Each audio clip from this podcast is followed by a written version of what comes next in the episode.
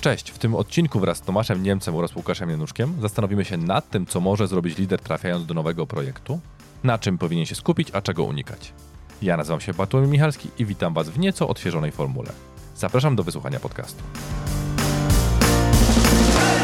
To witam Was bardzo serdecznie, drodzy słuchacze, po w sumie czteromiesięcznej przerwie. Zrobiliśmy sobie taką przerwę z kilku powodów. Jednym jest to, że troszeczkę zmieniamy format i troszeczkę podejście, dlatego że poprzedni format trochę znudził osoby, które słuchały, dlatego że doszły nas takie słuchy, a po drugie nie będę nawet ukrywał, że znudził nas.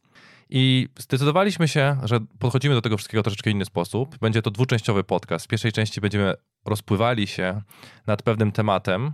Cała trójka troszeczkę podzieli się swoimi doświadczeniami, a w drugiej części, zatytułowanej Jeszcze jedna rzecz, albo w języku angielskim One More Thing, każdy z nas przyniósł własny temat, który jest nieznany dla pozostałej dwójki. Więc to będzie dyskusja troszeczkę taka bardziej improwizowana, ale związana właśnie z dostarczaniem wartości oraz z pracą pewnie danej osoby, zainteresowaniami, może to być ciekawa książka, może to być ciekawy podcast, może to być cokolwiek, co osoba uznała na tyle wartościowa, że jest wartościowe, żeby to do nas przynieść. I moimi współpracownikami czy stałymi gościami w tym podcaście będą Łukasz Januszek oraz Tomasz Niemiec. Witam Was bardzo serdecznie. Cześć, cześć. Hej, hej. I to, co nas bardzo ciekawi, to jest to, żebyście dali znać w komentarzach albo na jakichś platformach, gdzie publikujemy właśnie linki do podcastu, czy Wam to się podoba, czy coś zmienić, coś poprawić, czy może potrzebujecie jakichś dodatkowych rzeczy, jak wam poda się nowy format. Dlatego, że przypominam, może to być zaskakujące, ale nagrywamy to przede wszystkim dla was, a nie dla siebie, żeby połechtać nasze ego. Więc żeby dłużej nie przedłużać tego troszeczkę wstępu, który pozwoliłem sobie wydłużyć po tych czterech miesiącach, to przejdźmy do głównego tematu, jakim dzisiaj jest po prostu co zrobisz, kiedy trafisz do nowego zespołu, jak ogarniesz daną sytuację, jak zachowasz się, na co powinieneś zwrócić uwagę jako lider. I z jednej strony mojego ekranu mamy Tomasza Niemca, który jest zawodowym liderem w chwili obecnej pracującym w game devie. I z, z drugiej strony mamy Łukasza Januszka, konsultanta, który wielokrotnie pracował z podobnymi sytuacjami, żeby je naprawić jednocześnie nie stawiając się w roli lidera e, tak na co dzień. Czyli takiej osoby, której byśmy się właśnie spodziewali, że pokieruje zespołem. I żeby trochę ograniczyć tą sytuację, bo wiecie, mamy dużą ilość sytuacji, która się wpisuje w ten temat, to pozwoliłem sobie przygotować trzy takie scenki, trzy takie sytuacje, które różnicują podejście do tego tematu, żeby pokazać wam, na co zwrócić uwagę. Bartek, ja tak się zastanawiam, czy mogę ci, zanim powiesz o tych scenkach, to jakby troszeczkę przerwać, bo wydaje mi się, że ważne jest także powiedzieć może sposób, w jakim dochodzimy do rozpoznania się, w której scence jesteśmy. Wydaje mi się, że w trakcie przejmowania projektu jest to dosyć ważne, e, kiedy wchodzimy tak naprawdę w nowy projekt, czy tam w nowy zespół i chcemy wiedzieć, e, w co weszliśmy tak naprawdę, w, jak, w, jak, w, jaką sytuacji, w jakiej sytuacji się znaleźliśmy. Tutaj może opowiem z własnego doświadczenia, jak gdzieś to e, robiłem, to nakreśli, bym powiedział, sposób, można powiedzieć, nakreśli pewien sposób działania. Więc ja w mojej karierze zmieniałem zespoły i projekty, ostatnio to liczyłem chyba pięciokrotnie, gdzie za każdym razem był to zupełna zmiana osób, z którymi pracowałem, a także kontekstu, bo za każdym razem był to inny klient. A ostatnia zmiana również wiązała się całkowicie ze zmianą branży, e, a nie tylko, e, nie tylko gdzieś tam projektu. Pierwszy mój projekt, jak pamiętam, jak zmieniałem, to e, zastosowałem ankietę to znaczy wysłałem taką ankietę do, do, to był mały zespół, który przejmowałem, kilkuosobowy. Wysłałem na taką ankietę bardzo prostą na zasadzie, co wam się podoba w pracy w projekcie, co wam się nie podoba w pracy w projekcie i co chcielibyście zmienić. E, I, i poprosiłem po prostu o anonimowo o taką o odpowiedzi całego zespołu i potem zrobiłem taką prezentację jakby podsumowującą, e, gdzie do każdej z tych rzeczy się odnosiłem. E, na takiej zasadzie, że mówiłem, e, że tak, to jest na pewno rzecz, na którą e, również jest dla mnie ważna, chciałbym się nią zająć, albo tutaj niestety nie pomogę, ale mogę wskazać na przykład pomoc, w którym kierunku mogłoby to gdzieś tam pójść. Tutaj muszę z tym porozmawiać, tutaj muszę z tym, to jest po waszej stronie bardziej i takie, w ten sposób gdzieś tam podchodziłem do każdej z tych, z tych spraw. W ten sposób, nie? I to było tak jakby pierwsze przejęcie moje, tak jakby projektowe. Drugi, e, w kolejnym, nie pamiętam czy to było w drugim czy wcześniej projekcie, podeszłem do tego troszeczkę na zasadzie retro. I y, zrobiłem po prostu retro, można powiedzieć, nowemu zespołowi i opisałem, co chcę wyciągnąć z tego retro, że nie interesuje mnie tak bardzo ostatni ich sprint, ale chciałem po prostu zrobić takie retro, które czasem nazywa się na zasadzie postmortem. Czyli y, bardziej szersze, szersze spektrum, pomyśleć nad dłuższym okresem gdzieś tam czasu. Jest taka bardzo fajna aktywność, gdzie na dwóch osiach oznacza się w pierwszej kolejności na osi poziomej oznacza się problemy e, w skali od najbardziej, można powiedzieć, błahych do najbardziej denerwujących, a później nakreśla się oś e, pionową, mhm. która jest ukierunkowana mm, w stylu rzeczy, na które mamy najmniejszy wpływ i największy wpływ w zespole. To bardzo fajnie dzieli problemy, jakie zespół widzi w projekcie na takie cztery ćwiartki, a oczywiście każdą z ćwiartek e, później inaczej się rozkłada. Jedną się po prostu działa się z nią na przykład. Jeżeli mamy duży wpływ na te rzeczy i bardzo nas denerwują, to to jest to są kandydaci, żeby się nimi zająć w pierwszej kolejności. Znowu te rzeczy, na które zespół uważa, że nie ma absolutnie żadnego wpływu, a są równie denerwujące, to to rzecz, którą się po prostu deleguje typowo na lidera. No bo tak naprawdę lider jest od tych, od tych przeszkód dla zespołu, z którymi zespół nie jest sobie w stanie sam poradzić.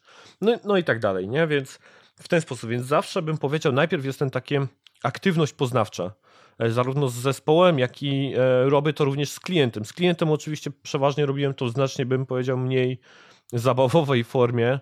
Był to raczej wywiad, na, e, w którym interesowały mnie cele, wizja, e, wartość, którą e, klient chce uzyskać, co mu się podoba w pracy z zespołem, co mu się nie podoba. Więc zawsze był ten taki, taki element gdzieś tam analizy mhm. i poznawczy. E, kiedy, kiedy wchodziłem do, do, do nowego zespołu. Natomiast tutaj też chcę powiedzieć, że czasem, a czym trzeba także wiedzieć, że czasem dostanie się znacznie więcej niż się chce po takiej aktywności. Ale powiem, w ostatnim, właśnie przy zmianie tutaj branży i w mojej obecnej pracy, kiedy zaczynałem współpracę, to również zespół poprosił mnie o zrobienie, tak jakby o pokierowanie takiego postmortem po poprzednim projekcie. E, okazało się, że projekt nie do końca e, zakończył się, można powiedzieć, sukcesem dla, dla, dla wielu osób i było to bardzo burzliwe spotkanie. Pierwsze moje spotkanie zarówno z, z całym zespołem, jak i zarządem i, i wtedy dowiedziałem się znacznie więcej niż bym chciał może gdzieś tam pierwszego dnia. A więc to chciałem nakreślić, że zanim opowiemy gdzieś tam o tych, albo ty Bartek przedstawisz te, te, te sytuacje, to zawsze warto najpierw e, wybadać. Wybadać czy przeanalizować miejsce, zadawać pytania, starać się zrozumieć kontekst, w jaki się weszło, mhm. rozmawiać z ludźmi i po prostu rozeznać się w sytuacji. To ja bym nad tym zbudował troszeczkę, mhm. bo y, ja muszę robić podobne rzeczy bardzo często w różnych sytuacjach. Między innymi tak samo, kiedy mam do czynienia z grupą osób i nie, I na przykład pojawiają się jakieś frakcje, czyli ludzie mają strony, nie mają zgody, nie mają równych rzeczy. Mhm. Więc w tym momencie tak samo pierwsze, co muszę zrobić, to wziąć, porozmawiać z tymi ludźmi i wtedy zwykle rozmawiam z nimi, też próbuję zbudować kontekst o między innymi mhm. konkretnych sytuacjach, które pamiętają z przeszłości, co im się najbardziej udało, konkretne przykłady osiągnięć, rzeczy fajnych, ale tak samo konkretnych faili, konkretnych przeszkód. I Jedna rzecz to jest to, w ten sposób budujemy kontekst. Mhm, mhm. to jest te opowieści, które oni opowiadają. Ale druga rzecz, nie mniej ważna, to jest patrzymy, jak oni mówią, a nie tylko co oni mówią. Na co zwracają uwagę, czego konkretnie nie mówią. Mhm. Bo często to, czego tu nie ma, to jest ten słoń, o którym nikt nie chce mówić, nikt nie chce na niego patrzeć i często gdzieś tam może znajdować się jakiś prawdziwy problem, nie? Bo to, co mówicie jest spoko, ale jaki mam problem? Jeżeli faktycznie jest taka sytuacja, że. Bo to brzmi logicznie, że faktycznie trzeba to zrobić, tylko pytanie brzmi znowu, czego spodziewamy się od lidera, który dołącza do zespołu? Bo to nie jest nic dowód, że sytuacja jest zawsze taka sama i to nie jest nigdy tak prawdopodobnie, że są te same oczekiwania wobec tej osoby. Czyli jednocześnie zbieramy po co masz dołączyć do tego zespołu i jednocześnie co masz faktycznie zrealizować w kontekście rozpoznania sytuacji. I to jest, wiecie, to jest faktyczny wstęp. Podczas gdy ta sytuacja pierwsza, którą przygotowaliśmy, jest taka dość, bym powiedział, abstrakcyjna z tego powodu, że nawet jak zadamy to pytanie, to tej odpowiedzi od zespołu nie dostaniemy. Z tej prostej przyczyny, że zauważcie, że może być projekt, który jest Żółw to ładnie nazwał Death March, czyli osoby, które już tyle razy zostały skopane, tyle wielokrotnie już widziały zmiany lidera, wielokrotnie widziały już porażki, nie rozumieją tego, co tu się dzieje, dlatego że wiecie, to jest po prostu kolejne jakby odcinanie kuponów, e, wymienianie lidera, czyli rzeczy, które z punktu widzenia nic nim nie dają. Więc oni tak de facto przy tym, jakbyś na przykład Tomku dołączył do takiego zespołu, oni nie, nie widzą na dzień dobry żadnego mhm. powodu, żeby dać ci jakąkolwiek odpowiedź, Dlatego, że po pierwsze, nawet jak coś jest problematyczne dla nich bardziej lub mniej, oni nie widzieli w poprzednich liderach, czy tam w poprzednich osobach, które przychodziły, żadnego efektu. więc mogą nie być chętne do współpracy. A nawet jakby były chętne do współpracy, to mogą już, wiecie, na poziomie motywacji mieć odcięcie, na poziomie w ogóle zasobów, na przykład czasowych, czyli mogą popadać w takie sytuacje, które w tym momencie, no dobra, nie boję się tego słowa, będą patologiczne. Jak to odkręcić? Bo z jednej strony możesz dołączyć do zespołu i dostać od swojego na przykład przełożonego, nie wiem, kto, kogokolwiek, kto ci tam skierował informację o tym, że macie dowieść to wszystko, jednocześnie ignorując ich potrzeby i na tym się nie skupiając. Więc wiesz, to, to też jest takie troszeczkę bym powiedział wypośrodkowanie, czyli czego ode mnie oczekują, a co chciałbym zrobić, bo to nie zawsze są to jakby te dwa światy, które możemy pokleić. Że to, co tutaj powiedziałeś, że e, dowieść ten, ten projekt, to jest właśnie takie no oczekiwanie, no, czy ktoś zatrudnił lidera do tego, żeby po prostu dowieść projekt, czy żeby naprawić, czy żeby go naprawić, tak? E, to są jakby tam, bym powiedział, troszeczkę tam y, różne rzeczy, chociaż w pewnym sensie pokrewne, no bo może po prostu dowiezienie projektu w sytuacji, w której została, czy z takim zespołem w takim stanie jest y, zupełnie niemożliwe, więc wtedy no, lider musi tak naprawdę przekazać osobie, która jakby go zatrudniła, tą informację, że słuchaj, ja rozumiem, że zatrudniłeś mnie tutaj, żeby E, za dwa miesiące, kiedy masz ten, tą ważną datę dla, dla mhm. swojej organizacji, żeby ten projekt się pojawił, natomiast to się nie stanie, tak?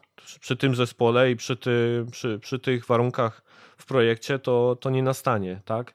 Um, ja miałem dosyć podobną sytuację, tylko że wtedy nie przejmowałem zespołu, e, bo zostałem poproszony przez e, koleżankę w pracy o poprowadzenie retro za nią, ponieważ ona na dłuższy urlop nie miało być jej przez dłuższy czas pracy i poprosiła mnie, że słuchaj, czy mógłbyś e, przeprowadzić retro z moim zespołem tam po sprincie a, i tak dalej. I trafiłem do zespołu, który jest dokładnie, był dokładnie taki, o którym mówiłeś. E, zespół, który już miał czwartego czy piątego lidera, nigdy nic nie było tak naprawdę załatwione, klient się nie zmieniał e, i tak dalej. To było bardzo ciekawe retro, bo a, mocno się napociłem na to, żeby cokolwiek pojawiało się na tablicy. Tutaj musiałem zagrać e, z takimi rzeczami jak e, zmiana perspektywy, wejście w buty klienta i, te, te, tego rodzaju e, rzeczy gdzieś tam pouruchamiać, żeby cokolwiek gdzieś tam z nich wyciągnąć. Do tego są gdzieś tam odpowiednie środki, żeby, żeby, dochodzić gdzieś tam do, do tych do, do, do, do, tych jakby informacji, no ale dalej się to skłania do tego, że do tego, co też Żółw powiedział, tak? No, musimy mhm. zbudować kontekst. E, nie da się po prostu jakby zatrudnić lidera, żeby, żeby nie wiem, no te, wszyscy wiemy, te, cała nasza trójka, tutaj pewnie ci, którzy również nas słuchają, że nie ma złotych środków, nie? Nie ma złotego frameworka, który do, zapewni sukces projektowi i mm, sprawi magicznie, że wszystko, że wszystko się uda. No i nie ma czegoś takiego, że raz nauczysz się rzeczy i będziesz tylko ją stosował, bo sorry, mhm. ale muszę to wtrącić, bo to jest, często jest zarzut właśnie na przykład wobec Scrama, mhm. który słyszałem, to jest to, że on nigdy nie działa i dokładnie to samo się wpisuje, że osoba, która zbyt ściśle próbuje implementować i zakładać, że istnieje właśnie tylko jedna droga kariery, jedna droga rozwoju, czy jedna mhm. droga do zwycięstwa, to często się odbija od takiej ściany pod tytułem, a tu jednak nie zadziała, musisz pomyśleć, musisz pogadać, musisz zupełnie użyć innych rzeczy i ta sztampowość, wiecie, tego, co jest praktycznie uczone w przypadku początkujących liderów, przestaje być tutaj aplikowalna. No, więc to jest.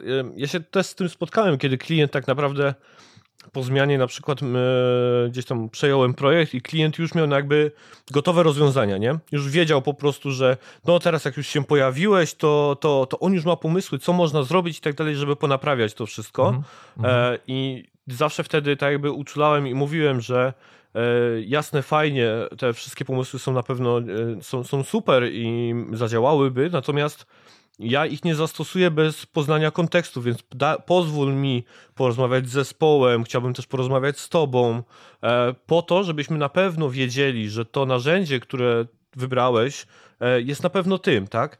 E, więc e, dla mnie przede wszystkim to jest budowanie kontekstu. Za każdym razem, kiedy przyjmuję e, nowy projekt, czy, czy zmieniam nawet miejsce pracy i obejmuję gdzieś tam e, zarządzanie nad, nad, nad projektem, to zawsze w pierwszej kolejności staram się zrozumieć kontekst, w który wchodzę.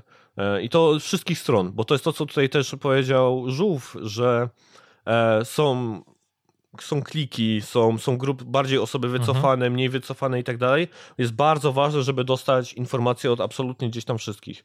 E, ze, o wszystkich, ze wszystkich stron i jakby ze wszystkich interesariuszy projektowych. Powiedziałeś tu jeszcze jedną bardzo ważną rzecz, e, gdy powiedziałeś o tym liderze, który ma już pomysł, jak, znaczy teraz jak jesteś, to da się wszystko zrobić, ja mam pomysły, ja to rozwiążę i tak dalej, ty musisz to tylko dobrze wykonać. Pamiętasz ten fragment, nie?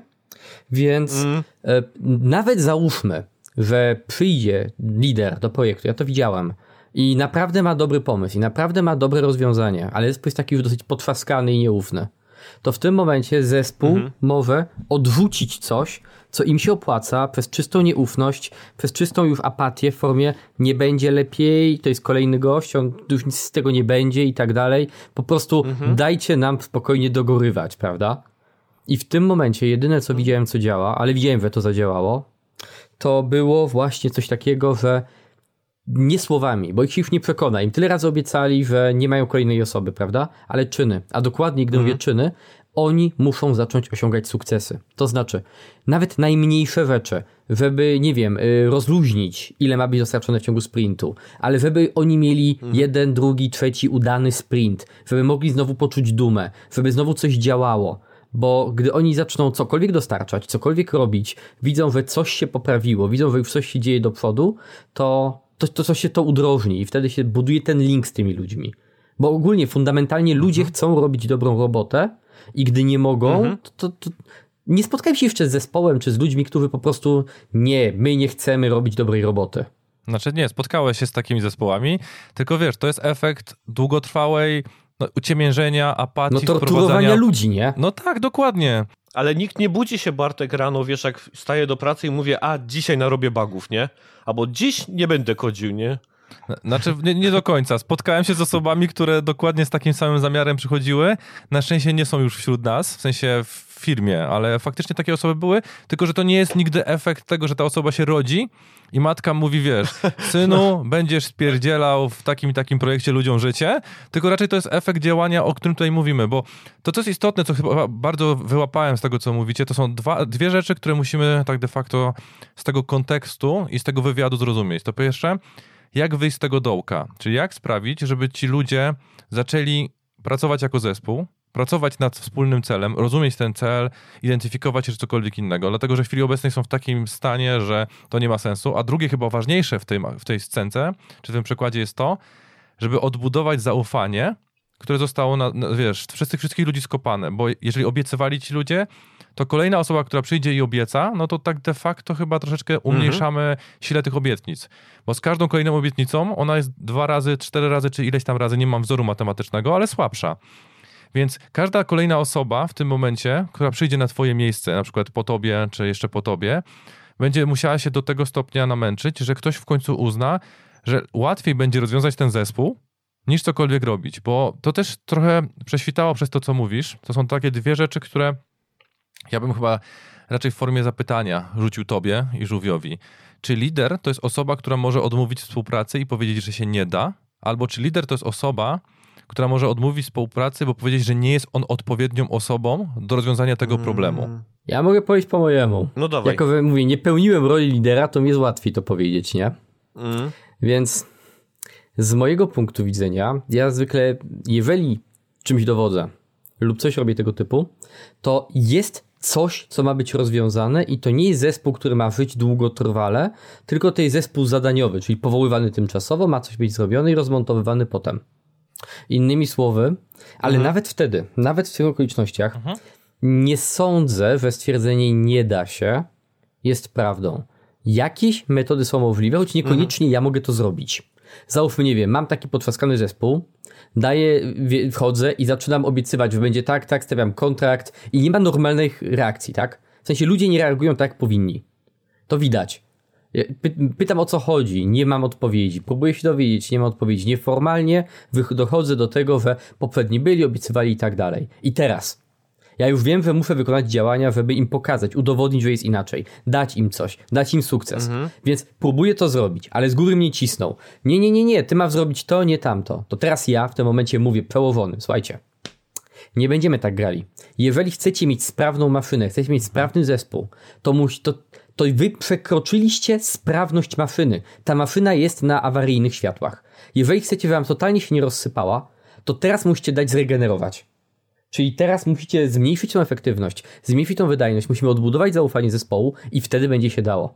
Jeżeli osoby z góry naciskają dalej i ja nie mam tej możliwości, tej sposobności, to ja po prostu nie podejmę się tego zadania, ponieważ ja nie będę w stanie pomóc, mogę jedynie popsuć. Mogę szukać różnych sposobów, różnych metod, ale jakąś przestrzeń muszę mieć.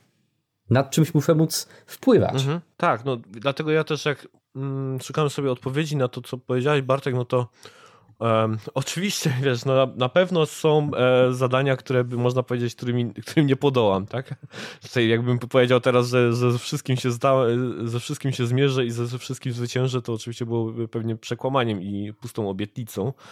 Są na pewno gdzieś e, rzeczy, które gdzieś są jeszcze ponad moje gdzieś tam możliwości e, i czy, czy organizacyjne, czy jakiekolwiek. Natomiast e, mm, bym powiedział, czy lider może e, odmówić, to chyba w takiej sytuacji, o której mówił Żółw.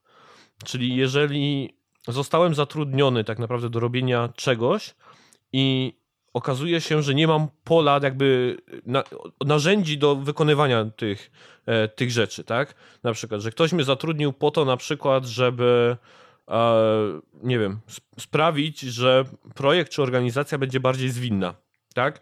E, i absolutnie nie dostaje żadnego wsparcia ze strony managementu czy, czy góry i tak dalej, kiedy mówię i tłumaczę, że tak naprawdę to nie wystarczy tylko, żeby zespół pracował w sprintach i wszystko będzie już super, tak, to musi się zmienić cała kultura pracy całej organizacji, ale kiedy jest, wiesz, takie wyraźne mówienie, że nie, nie, nie, to chodzi tylko o IT, nie, wiesz, ty masz tych ludzi sprawić, że będą agile'owi, a, a nie cała organizacja, no to w takim wypadku jestem w stanie powiedzieć, słuchajcie, no nie sprawię, że organizacja będzie agile'owa, bo to nie o to chodzi, tak? Mm, gdzieś się tutaj nie, nie, nie, nie zrozumieliśmy. Um, z tych, o tych sytuacjach, o których mówiłeś tam, e, jakby, że są bez wyjścia, no nie wiem, czy trudno mi sobie tutaj wyobrazić tak jakby tę sytuację bez wyjścia, bo też o tej takiej akcji, o której mówiłeś, Żółwiu, że pytasz, nie dostajesz odpowiedzi i tak dalej, to nie wiem, po, to potem są... Są wiesz, metody, dobra, da się dopytać tak. nieformalnie, tak. da się poznać tak, historię. Wiesz, to nie tak. Zawsze można jeden na jeden, nie? Można gdzieś kogoś dopytać, wiesz, po, po, wiesz, jest, są sposoby na to, żeby gdzieś dojść do tego, dlaczego ludzie nie chcą mówić mhm. na przykład, nie? E, wiesz, też o tym zaufaniu, o którym gdzieś tam mówiłeś, Bartek, to ja pamiętasz, jak mówiłem o tej ankiecie, w której zapytałem ludzi, co im się podoba, co im się nie podoba i tak dalej. Ja tam bardzo wyraźnie mhm. powiedziałem o rzeczach, na które nie mam wpływu bardzo im o, od razu i na wiesz, na miejscu powiedziałem, jak tam było, na przykład pojawiło się, że zarobki na przykład są za małe. Powiedziałem, słuchajcie, ten punkt, ja tutaj nie mam nic do, e, do, do, do zrobienia w nim, nie? E, możemy o nim porozmawiać, mhm. co wam się nie podoba w tym punkcie i tak dalej. Ja e, jestem w stanie zrobić tyle z siebie, tak? Mogę na przykład gdzieś pójść z kimś pogadać, porozmawiać, dlaczego tak to tutaj wygląda i przyjdę do was jakby z tą sytuacją, natomiast ja nie wpływam na te kwoty. E, I no i to jest taki kontrakt, nie? Taki kontrakt współpracy, w którym jawnie pokazujesz, czym możemy się zająć, czym nie mogę się zająć, ale też pokaz- wiesz, bo to jest kwestia taka, że do tej pory ci ludzie może byli oszukiwani, może byli niewysłuchani mhm. i to realizuje te cele, tak, tak wiesz, tak bardzo szybko i pozwala ci się skupić zespołowi na tym, co jest faktycznie do zmienienia, bo jeżeli wy nie macie wpływu, czyli ty nie masz wpływu, zespół nie ma wpływu, a coś wam przeszkadza, no to albo zaciskamy zęby, no albo, albo nic z tym się nie da zrobić, nie? Bo wiesz, i rezygnujemy na przykład z, z firmy, mhm. w której pracujemy. To też jest taka opcja. Że jeżeli faktycznie ci ludziom na przykład przeszkadzają zarobki, a zarobki na rynku pracy są, nie wiem, 30-40% wyższe, to o ile się nie mylę, to lider nie ma umiejętności szamana ani magika, żeby wyczarować coś z powietrza. Jeżeli się nie da, to się nie da.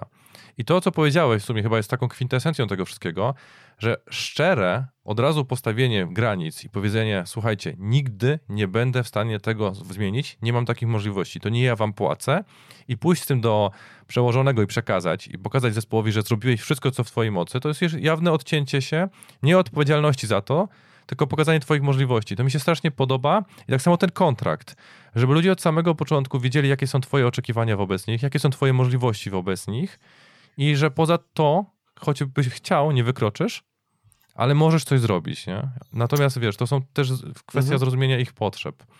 Że jeżeli nie, nie zbudujemy tego wszystkiego na dzień dobry w tej sytuacji, w której jesteśmy, No to ja mam wrażenie po prostu, że to moje pytanie, które zadałem odnośnie tego lidera, który odchodzi w tym momencie, bo nie jest w stanie zrobić, to z każdym kolejnym liderem może być mhm. już tylko gorzej, bo ta sytuacja, jeżeli nie przesuniesz tego suwaka, że przynajmniej na chwilę wchodzisz do projektu na 3-4 miesiące, poprawisz coś, ich samopoczucie, coś, wiesz, faktycznie zrealizujesz, to jest w twojej mocy, a stwierdzisz, że się poddajesz, że się nie da, to budujesz obraz, że każdy kolejny lider niezależnie od czasu się podda. Nie wiem. Um, jakby to powiedzieć, krzywo bym patrzył, albo po prostu trochę bym mm, jakby to no, nie wiem, nie wyobrażam sobie lidera takiego, jak ja rozumiem tego, tą rolę, który jest w stanie powiedzieć, nie stary, wiesz co, ten projekt jest tak słaby, że ja z niego wychodzę, bo tutaj nie ma zupełnie co robić, nie?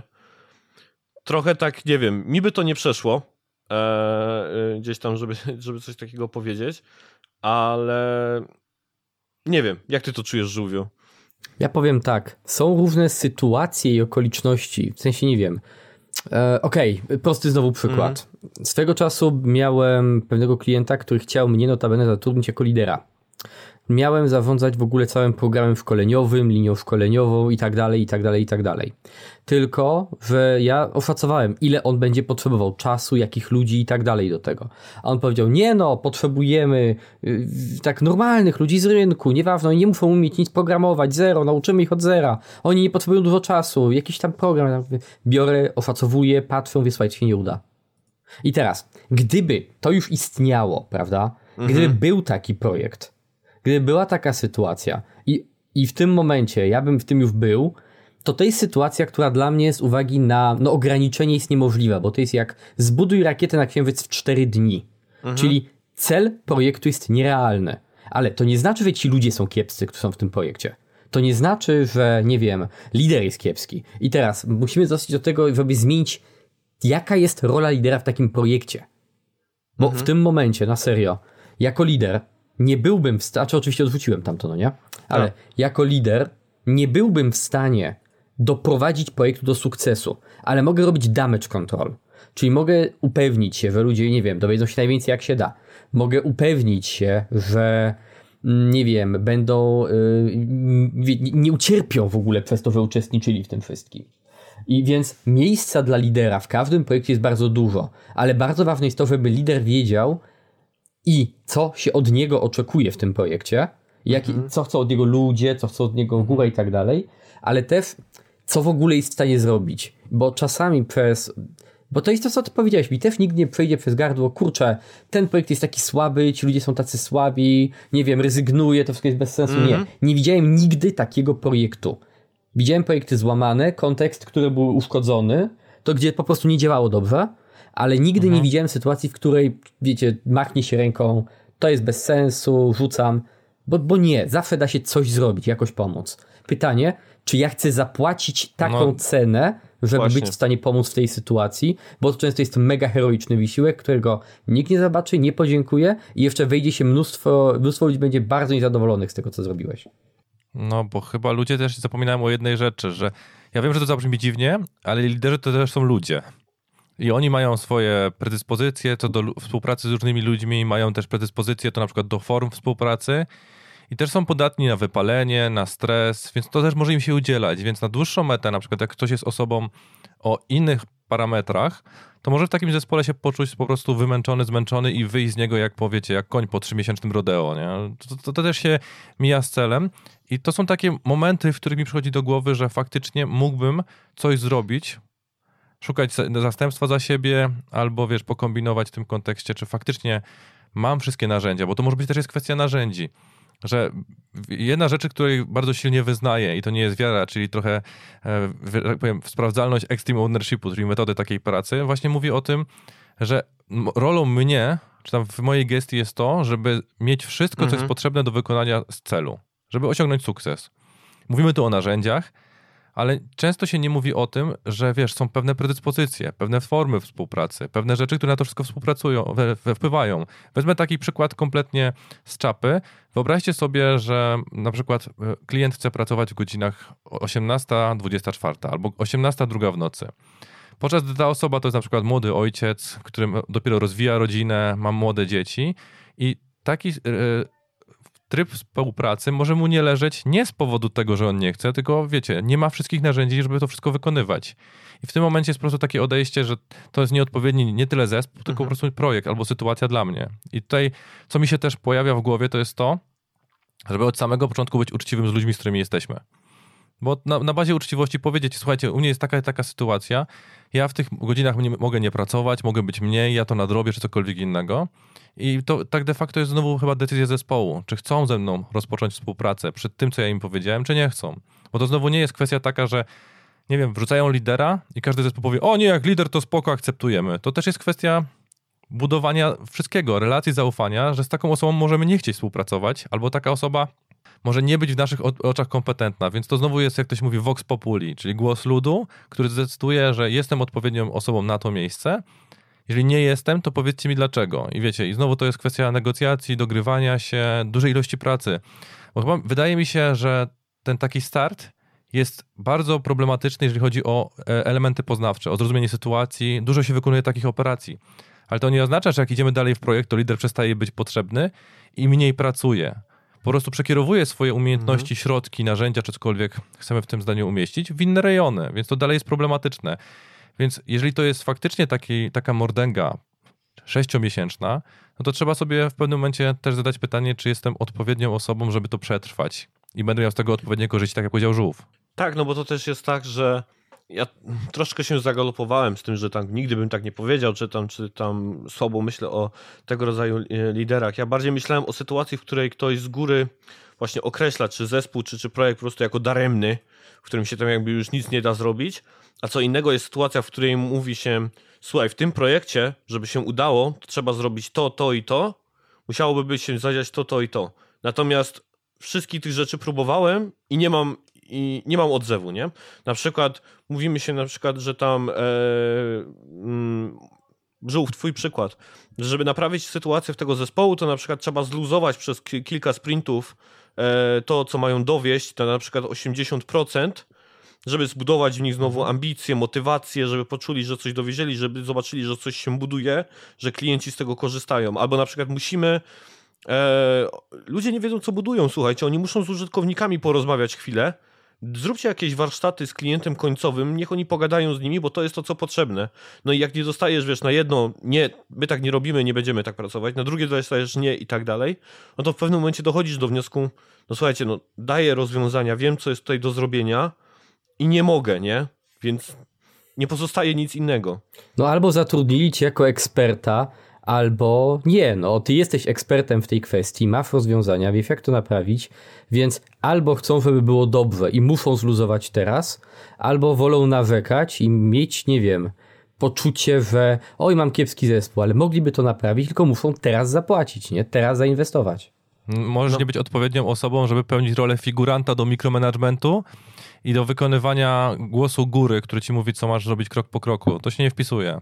To się wiesz, to no, no nie, nie, tak, nie takiej rzeczy bym, wiesz, oczekiwał od osoby, która pełni taką rolę. Ja jednak, wiecie, jestem takiego zdania, że daję mu odpowiedzialność, daję mu możliwości i ufam temu, że faktycznie twoje, na przykład weźmy Tomka, 11-letnie czy 12-letnie doświadczenie liderskie, no ma zastosowanie w różnych sytuacjach, może nawet krótsze. Wiem, przesadziłem, pewnie jeszcze dodałem twoją, twój czas, jak pracowałeś jako QA. Tak, dokładnie tak o to chciałem powiedzieć, no. No, prze, przepraszam, zagalopowałem się, ale wiesz, to też pokazuje, że pełną moc zespołów uzyskamy wtedy, kiedy damy im swobodę działania. To się w języku angielskim ładnie nazywa empowerment. Więc wiesz, jeżeli takiej rzeczy nie masz, jeżeli chcą do mikromanagementu, to nie szukają lidera, tylko szukają, no nie wiem jak to nazwać, kierownika produkcji?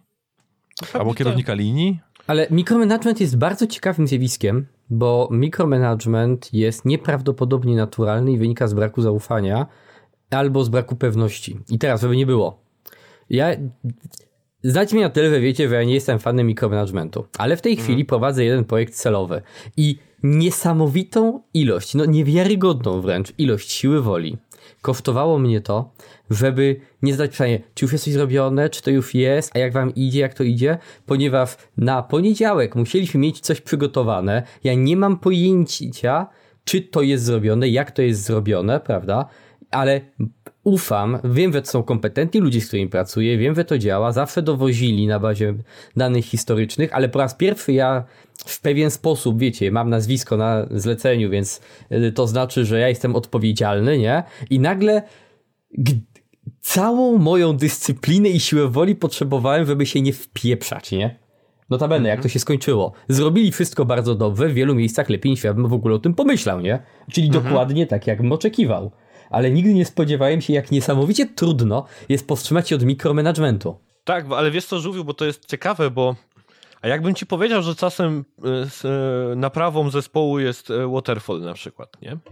A to się z tobą zgodzę. Bo wiesz, bo my tak.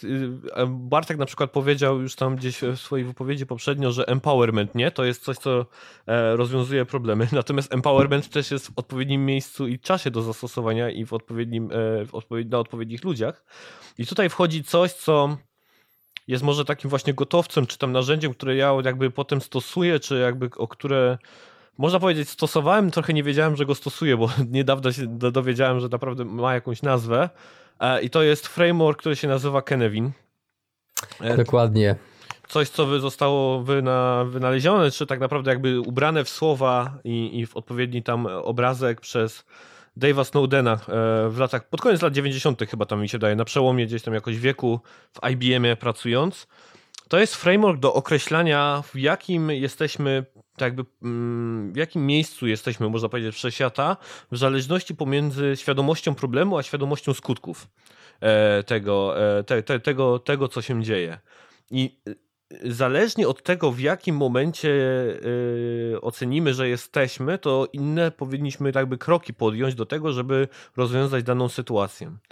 I teraz na przykład Żółwiu mogłeś ocenić, że w sytuacji, w której jest twój projekt, mikromanagement jest tym, co trzeba zrobić, bo na przykład jesteśmy w chaosie, w którym tak naprawdę nie wiadomo, gdzie co się dzieje, z jakiego powodu, jakie są problemy, jakie są skutki, wszystko jest niewiadomo i trzeba po prostu sztywno małe rzeczy gdzieś tam dowozić, y, dokańczać, dopytywać i tak dalej, żeby po prostu wyjść z tego chociażby, tak? Przejść gdzieś do, na, na, na, inną gdzieś tam z tych, tych ćwiartek. Ja teraz o samym frameworku nie będę mówił, no bo to jest zupełnie inny temat, żeby go opisywać, jak dokładnie działa. Może to można sobie to gdzieś tam e, sprawdzić. Na pewno podlinkujemy w opisie podcastu kilka materiałów, bo mam takie gdzieś tam pod ręką, które mógłbym gdzieś tutaj zastosować. E, podobnym mm, w ogóle takim mm, narzędziem do stosowania jest macierz e, Staceya. Nie wiem, czy kojarzycie też. Te, też. Tego akurat nie. No, e, Ralph D. Stacy. Podobne bym powiedział zastosowanie, tylko dwie osie są pomiędzy tym, jak bardzo wiemy, co budujemy i jak mamy to budować i tam wtedy też wybieramy frameworki, to już bardziej chodzi nawet o frameworki, czy na przykład zastosujemy Kanbana, czy Scrama, czy idziemy mhm. w Waterfalla, e, pomiędzy tym, tak, czy, czy wiemy, co budujemy i, i jak to będziemy budować, no to wtedy lecimy, nie, tam powiedzmy Waterfallem, tak, no bo wszystko jest jasne, nie? Proste i tak dalej, ale jak nie wiemy zupełnie nic, ani co chcemy budować, ani ten, to wtedy idziemy w, ty, w coś na zasadzie lean startupu i tak dalej, więc e, to są takie narzędzia, które potem tak jakby nam pomagają okiełznać albo wybrać odpowiednie yy, yy, kroki, które chcemy zrobić później. Ale natomiast one muszą być poprzedzone tym, co mówiliśmy przez teraz te 30 minut naszego odcinka, czyli budowaniem kontekstu i zbieraniem danych. Bo czasem możemy się po prostu przejechać i zastosować dobrą praktykę, która zawsze działa, a, a być po prostu mhm. zupełnie nietrafioną, bo to nie jest czas i miejsce. Odpowiedni moment. Moment, tak. Ja dam przykład właśnie, żeby to wzmocnić, co teraz powiedziałeś właśnie na tym przykładzie tego projektu, który teraz robię. Więc w tym projekcie mam osoby, które są niezależnymi konsultantami. Ci ludzie przywykli do samodzielnej pracy, ci ludzie przywykli do dostarczania, do dopytywania się, kontroli kontekstu i tak dalej. Więc w tym momencie, zwłaszcza jak mamy zbudować coś po iluś tam iteracjach, to automatycznie oni są w swoim żywiole. To jest sytuacja typu kompleks, właśnie zgodnie z tym e, frameworkiem Canvan, mhm. który nie umiem wymówić, prawda? I w tym momencie ja muszę się odsunąć na bok i dać im dobrą robotę. Ale z drugiej strony, zdawało mi się zarządzać rzeczami, w których miałem ludzi po prostu niedoświadczonych. Ludzi, którzy mhm. nie wiedzieli, jak robić robotę. Którzy potrzebowali, tak. albo nawet jak wiedzieli, jak robić robotę, nie wiedzieli, gdzie położyć energię, na czym się skupić. I w tym momencie trzeba było im nałożyć twarde zasady, twarde procedury. Mogłem się odsunąć i tylko pilnować, czy oni wykonują, trzymają się tych procedur. Ale Tutaj musiało być bardziej hands-on, tu musiało być bardziej na miejscu pilnowanie i trzymanie się rzeczy, trzymanie się reguł. Więc zależy od tego, jakich mamy mhm. ludzi, jaki jest kontekst, to, co jest paternem dobrym, może być w drugim przypadku antypaternem i na odwrót. Czyli dokładnie to, co powiedziałeś. Trzeba wykryć, mhm. z czym mamy do czynienia i jak zadziałać. Po prostu nigdy nie spodziewałem się, że we mnie instynkty mikromanagementu są takie silne. Mhm. Jeszcze jedna rzecz, którą chyba warto też podkreślić, to jest to, że nie spodziewajcie się takiej sytuacji, w której określicie kontekst na początku wejścia do projektu i on się nie zmieni. Dokładnie. To jest kwestia, że on ewoluuje, wszystko się zmienia, wszystko modyfikuje, dlatego że tak jak ludzie poznają was, jak wy poznajecie tych ludzi, oni też się rozwijają, więc to wszystko będzie się modyfikowało, wszystko będzie się zmieniało i tak jakby to, co mówimy, bardzo często będzie się aplikowało wiele razy w projekcie, tylko powinno, jak wypracujecie sobie odpowiednią metodę i odpowiedni framework współpracy, powinno być prostsze i powinno być bardziej zauważalne. Dlatego, że jak zbudujemy tą relację z tymi ludźmi, którzy na początku nam na przykład nie ufali, dlatego, że dalej poruszamy się w tym kontekście takim, wiecie, tego dev marszu, mhm. no to po kilku miesiącach, jak ci ludzie poczują, że są odpowiednio zaopiekowani, może dalej być ta bariera z firmą, że ona nie może, nie chce i tak dalej, ale idziemy do przodu, udaje nam się, rozumiemy cele, jesteśmy zmotywowani do tego, żeby współpracować i tak dalej, i tak dalej, no to w tej sytuacji dużo łatwiej będzie im mówić o tym, co ich boli, albo co się u nich zmienia. Nawet w, w taki niewymuszony sposób. Ja nie mówię, że ni zowąd lider będzie, jak to się mówi, w trybie pa pasywnego słuchania, tak? Czyli on siedzi, jak w konfesjonale, tutaj zbudowane takie coś i słuchajcie, do mnie możecie przyjść zawsze, tylko pamiętajcie, żeby zapukać, żebym się skapł, żeby, wiecie, wybudzić się z tego pasywnego z tego słuchania i zaczął bardziej aktywnie słuchać. No tak nie działa, to zawsze jest dwustronna komunikacja i na to, to, to się ładnie mówi, że e, słyszałem właśnie taką metaforę, że dobry lider zespołem ma taką relację jak z drzewkiem bonsai. Czyli niezależnie od tego, czy to rośnie, czy to nie rośnie, to to będzie pielęgnował to w nieskończoność, dbał, przecinał, chociaż ludzie z zewnątrz mogą nie widzieć efektów, tak jak chcieliby zobaczyć w krótkim czy w dłuższym czasie, ale będą widzieć efekt w takim, że tak powiem, zakresie czasowym, w jakim się umówią. Czyli, że na przykład dowieziemy coś, że będziemy bardziej efektywnie lub mniej efektywnie pracować, Dobra, mniej efektywnie może nie być dla tych u góry jakimś tam, wiecie, bene benefitem, ale może też to wynikać z faktu, że tak mówiłeś wcześniej, że jeżeli nie mamy narzędzi, nie mamy możliwości, a moi ludzie są zmęczeni, no to efektywność nie jest czymś, co jest możliwe do poprawy.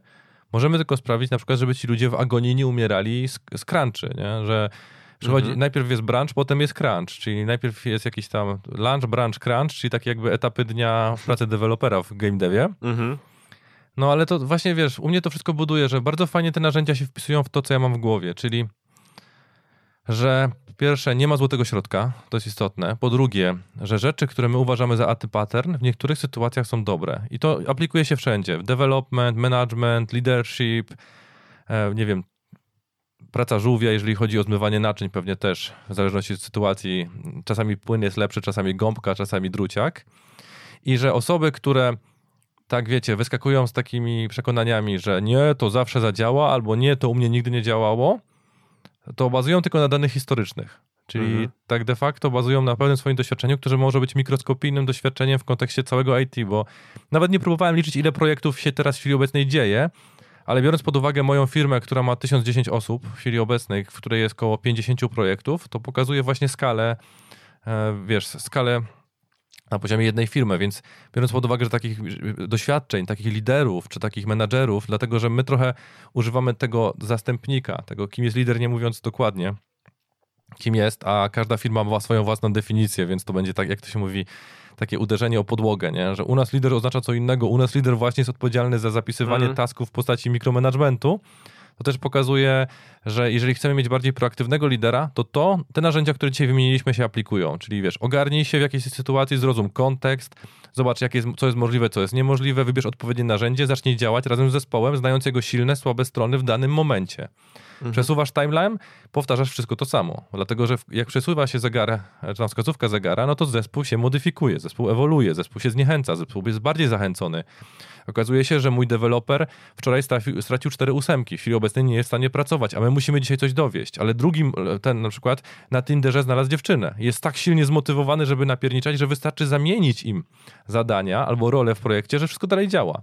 Ale bez tej proaktywności, bez tego wszystkiego, bez rozpoznania, co się w danej chwili dzieje, bez aktywnego uczestniczenia w życiu zespołu, kurde, no to jest ten powód, dla którego AI na razie nie przejmuje świata, bo jeszcze nie potrafi dowodzić innymi AI, żeby tworzyły kolejne AI e, i też nie jest w stanie dowodzić ludźmi, którzy są tak silnie zmienni, tak silnie emocjonalni i tak silnie kontekstowi. I bez tych wszystkich budulców i zrozumienia tego wszystkiego, no, stajemy się po prostu podwykonawcą w orkiestrze, kiedy jesteśmy głusi. Że musimy korzystać z mniejszej ilości po prostu zmysłów aktywnych i liczyć na szczęście. A ja jestem osobą, która nie lubi liczyć na szczęście. Wie, że jest istotne, ale jednak wolę marginalizować jego wpływ, intensyfikując swoje możliwości, nawet w kontekście zarządzania zespołem. Tak powiedziałeś o tym ogrodniku, a ja cholera wysuszę każdy kwiatek, jakikolwiek dostanę w ręce. No, to no też świadczy o tobie jako dobrym liderze. Albo po prostu, że metafora była fatalna. Jedno z dwóch oby. no, tak, no wiesz, ja tutaj coś gdzieś tam na, e, na końcu jakbym gdzieś tam chciał e, dorzucić, bo tak chyba będziemy gdzieś przechodzić, wydaje mi się już e, z dalej gdzieś tam z tego. Albo to... możemy, wiesz, potraktować te dwie pozostałe sytuacje i zobaczyć, co z tego faktycznie, to do tej pory mówiliśmy, się aplikuje. Mhm. Bo dwie pozostałe sytuacje, które mamy przygotowane, to już trochę Żółw o tym zaczął mówić, czyli do tej pory mówiliśmy, że ten projekt działa, czyli wiesz, istnieje, reaguje od jakiegoś czasu, a w drugiej sytuacji mamy e, carte blanche. Czyli chodzimy do projektu, który się zaczyna, jest krótkoterminowy, przyjmijmy tak po prostu 3-4 miesiące, masz tam samych ekspertów, wiecie, z całej firmy zebraliśmy koksów, największych, jakie, jakie są dostępni mhm. i masz to ogarnąć. No to znowu tutaj jest, wiesz, e, narzucenie tego na, tą, na ten framework czy na ten macierzy, nie? Czy dokładnie wie, wiemy na przykład, co budujemy, nie? Chociażby na przykład, to jest pytanie, tak? No i tutaj znowu w zależności od tego, czy wiemy i czy wiemy, jak chcemy to zbudować. Na przykład jeśli chodzi o to pytanie jak, no to wnioskuję, że skoro mamy największy gdzieś tam koksów i ten, no to on ogarniają, tak? I dokładnie wiedzą, jakich narzędzi będą używać i co w danym momencie jest gdzieś tam najlepsze. No to pytanie po prostu, jak bardzo wiemy, co chcemy zbudować, nie? Um, więc i stosujemy wtedy tak naprawdę jakieś tam metodyki czy, czy, czy praktyki, które są jakby z tym e, związane, nie? Więc ten opis, który dałeś, Bartek, nie? To on i tak nie daje jakby po, wiesz, nie kieruje od razu do rozwiązania, nie?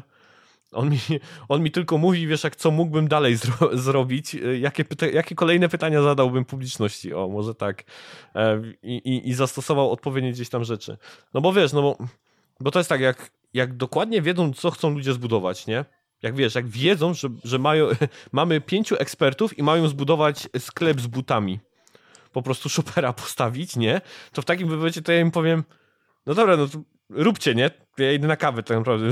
Wiesz, no dobra, przetestujemy to na samym końcu, no przecież cholera, to jest sklep z butami, nie? No to, wiemy dokładnie, co jest do zbudowania, nie? Więc wiesz, to jest na takiej zasadzie, nie? Ale jeżeli na przykład... Ale może to być twoja zakrzywiona optyka, że wiesz, zakładasz, że wiemy, ale tak, wiesz, ja trochę skrócę to, co to powiedziałeś, dam, dam konkretny przykład. Znaczy, wiesz, ja tylko skończę tylko jedną myśl, nie? Że, wiesz, tak de facto Tomek nie zrobił tak z kawą, tylko po prostu upewnił się, że oni wiedzą i dopiero poszedł na kawę. To jest dość istotne. Tak. To nie jest kwestia, że przyjmuje z góry założenie, tylko, wiesz, w momencie, w którym mamy założenie, ono jest hipotezę roboczą, ona jest zweryfikowana, że faktycznie, no to w tym momencie rola Tomka się ogranicza do jednej rzeczy. Chwilowo nie przeszkadzać. No tak, no wiesz, no to jest to, przepraszam Żółwiu, tam kierujesz się w tą szafę już któryś raz, a to jest tak jak, jak często ludzie, wiesz, jak mi tutaj mówią na przykład, że tam w dyskusjach na temat, a co byś agile'owo budował dom?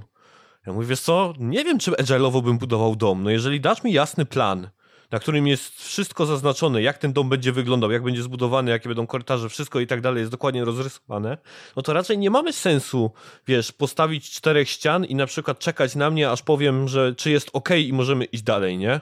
Znowu gdzieś tam za dwa tygodnie wrócić, na przykład będzie kolejna wartość dodana i znowu pytać się, czy idziemy dalej, czy jest ok, nie? I, mhm. i w ten sposób. Wiesz, no i dlatego ten argument zawsze w dyskusjach mnie bardzo bawi, nie? Bo jak ktoś mi mówi, nie, nie, no wiesz, jak... pytanie, czy budujemy dom, czy na przykład e, według jasnego gdzieś tam blueprintu i szablonu, czy na przykład naszym zdaniem jest zbudowanie miejsca ochrony przed deszczem, nie? To już zupełnie jest inna sprawa, nie? Bo wtedy na przykład, czy komuś chodzi o patyk e, z płachtą, czy, czy, czy coś murowanego, czy chce mieć tam radio, więc na, na takiej zasadzie, nie? Więc mówiąc ci... o tym, że ja wiem, że ten zespół miał budować tego shopera dla butów, to to wiesz, oczywiście była analiza i tak dalej i dokładnie zespół wie, co i klient wie i się dogadali, co chcą zbudować, nie? I wtedy stosujemy odpowiednie gdzieś tam narzędzia do tego. Mhm. To chciałem jakby tam nakreślić. Tak, dlatego ja proponuję przykład. Zmodyfikowałem jedno ze zleceń, które notabene y, robię i bardzo fajnie idzie. Wyobraźmy sobie firmę o epickiej nazwie Jaszczurnix. Znamy mhm. firmę Jaszczurnix. Firma Jaszczurnix chce zrobić grę promocyjną, komputerową grę promocyjną, taką prostą, dla swojego targetu, czyli dla nastolatków. Udało im się zapewnić nam obecność 10-15 nastolatków, z którymi możemy gadać, możemy robić rzeczy. Zapewnili swoich ludzi, ci, którzy, wiecie, znają się na produktach, które ma firma Jawczurnix, mają tą wizję i tak dalej, oraz ty masz grupę ekspertów, którzy potrafią, wiecie, dowiadywać się rzeczy, rozmawiać z ludźmi oraz zespół, który już dostarczał w krótkim czasie równe rzeczy. Masz 4 mhm. miesiące, masz dostarczyć grę.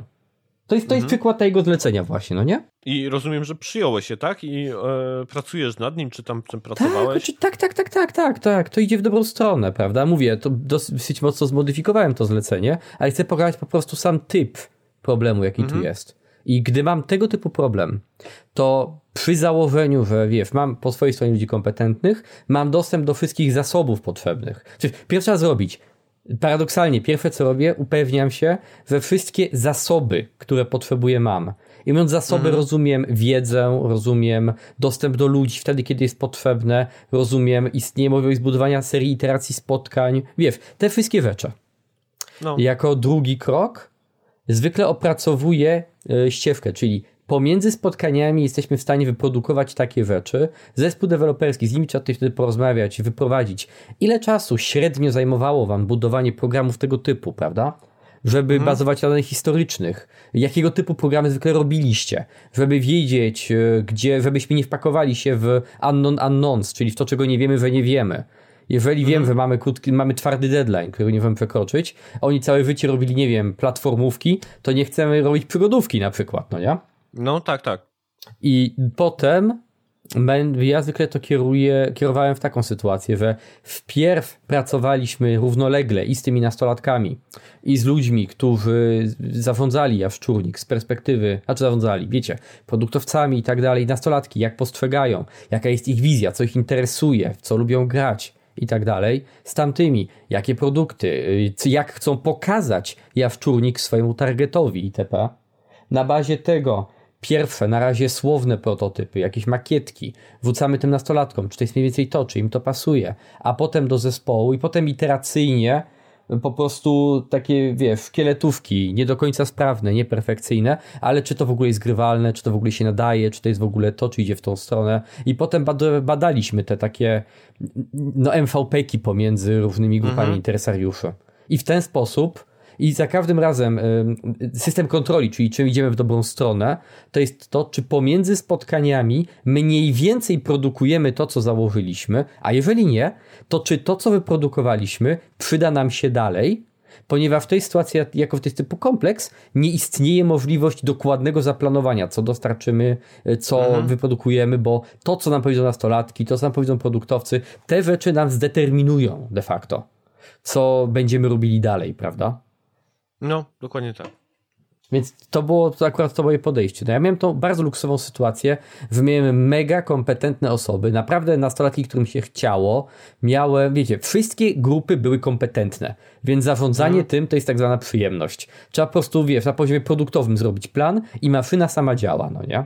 No, tak płynnie przechodząc do trzeciej sytuacji, którą mam w głowie, tak przedstawię ją, a potem podzielę się dziwną refleksją. Bo trzecia sytuacja jest kompletnie odmienna od pierwszych dwóch, a dokładnie jest taka, że istnieje projekt, działa, ale działa perfekcyjnie, czyli mamy kochanego szefa, takiego jak żółw, e, wszystko funkcjonuje, zespół jest zadowolony, nie ma żadnych problemów i jak słyszę taką sytuację, staję, tak jakbym miał stanąć, wcielić się w rolę nowego lidera, to moje pierwsze pytanie jest, dlaczego poprzedni odszedł? Takie wiesz, naturalna rzecz, żeby zrozumieć, skoro wszystko było idealne, dlaczego modyfik- no, zwycięskiego składu się nie zmienia? To jest podstawa zasada od czasów Kazimierza Górskiego, czy nawet wcześniej, od czasów jak Niemcy wygrywali wszystko, że nie ma to sensu, więc trzeba w ramach rozumienia sytuacji, to jest moje naturalne pierwsze pytanie, co się stało i dlaczego tak jest, bo może lider był tak de facto osobą, która powodowała, że to nie był idealny obraz, albo może zmiana była bardziej prowizoryczna, czyli na przykład znudził się, założył rodzinę, mhm. okazało się, że e, nie wiem, żona kazała mu się wyprowadzić do Gdańska, czy cokolwiek innego. Takie rzeczy, które są nieściśle związane z projektem, ale to jest moja pierwsza myśl w tym zakresie. No tak, no ale to jest dalej kontekst, nie? Bo wiesz, no to mhm. dowiedzenie się tego, dla, co spowodowało, że ten lider tak jakby odszedł, to to jest dalej budowanie sobie tak jakby kontekstu, nie? E, co, to, co, się, co, co tam się wydarzyło e, w tym. Wiesz, jeżeli to była zmiana na zasadzie starej, bo, na przykład, bo z tym też się spotkałem, bo w tym projekcie to dla mnie już nie ma co robić, bo po prostu ja się już tutaj nie rozwijam i e, tak naprawdę wszystko... Jestem niepotrzebny. Jestem niepotrzebny tak naprawdę, no to w takim razie wiesz, e, przejmując taki zespół, gdzieś tam bym powiedział, no to by mnie trochę zaniepokoiło. Na przykład, wiesz, nie tam na przykład, nie na takiej zasadzie, ale nie, nie zaniepokoiło na zasadzie takiej, że coś mi tutaj śmierdzi, tylko bardziej, kurczę, no to w takim razie czy, czy ja powinienem jakby wchodzić, nie? Czy, co ja tutaj się z tego gdzieś tam na, na, nauczę? I też ważne, żeby gdzieś tam pogadać na przykład e, z klientem gdzieś tam od razu na, na, na ten temat. E, i jakie jest twoje tam jakby nastawienie, co, co, co się dowiedziałeś? I zrozumieć też klienta, hej, po co, po co mnie tutaj ściągasz, nie? Czy, czy, czy ja mam tylko i wyłącznie tutaj patrzeć i siedzieć i, i, i, i ładnie wyglądać, co byłoby niemożliwe akurat w moim przypadku, aczkolwiek no e, i tak dalej, nie? Tutaj widzę, że mhm. pokiwujesz żółwie, więc pewnie się zgadzasz. W stu procentach. To jest sytuacja, gdzie jeżeli nie mam twardych wytycznych od góry, to ja traktuję to jako płot Chestertona, czyli starą dobrą zasadę, jeżeli wszystko działa, nie dotykaj, tak? Tutaj mhm. trzeba walczyć z takim naturalnym instynktem, jestem liderem, nie wiem, kurczę, o, nawet nie tak, kurczę, odpowiadam za to, płacą mi, muszę coś robić, nie? Ale czasami najlepszą rzeczą jest nie dotykać bo znaczy, działa. Wiesz, trochę się, trochę się nie zgodzę z tobą i zmodyfikuję to, co powiedziałeś do jednej mm. podstawowej rzeczy. To nie jest, że jak działa, nie tykaj, tylko zobacz, najpierw porównaj, czy te zmiany, które chcesz wprowadzić, dają jakiś przyrost wartości oczekiwanej, powyżej kosztów na przykład, zanim to zrobisz, bo to nie jest tak nic że jak wszystko zawsze działa, to nie można nic poprawić, ale czasami po prostu nie warto i warto zrozumieć, kiedy nie warto.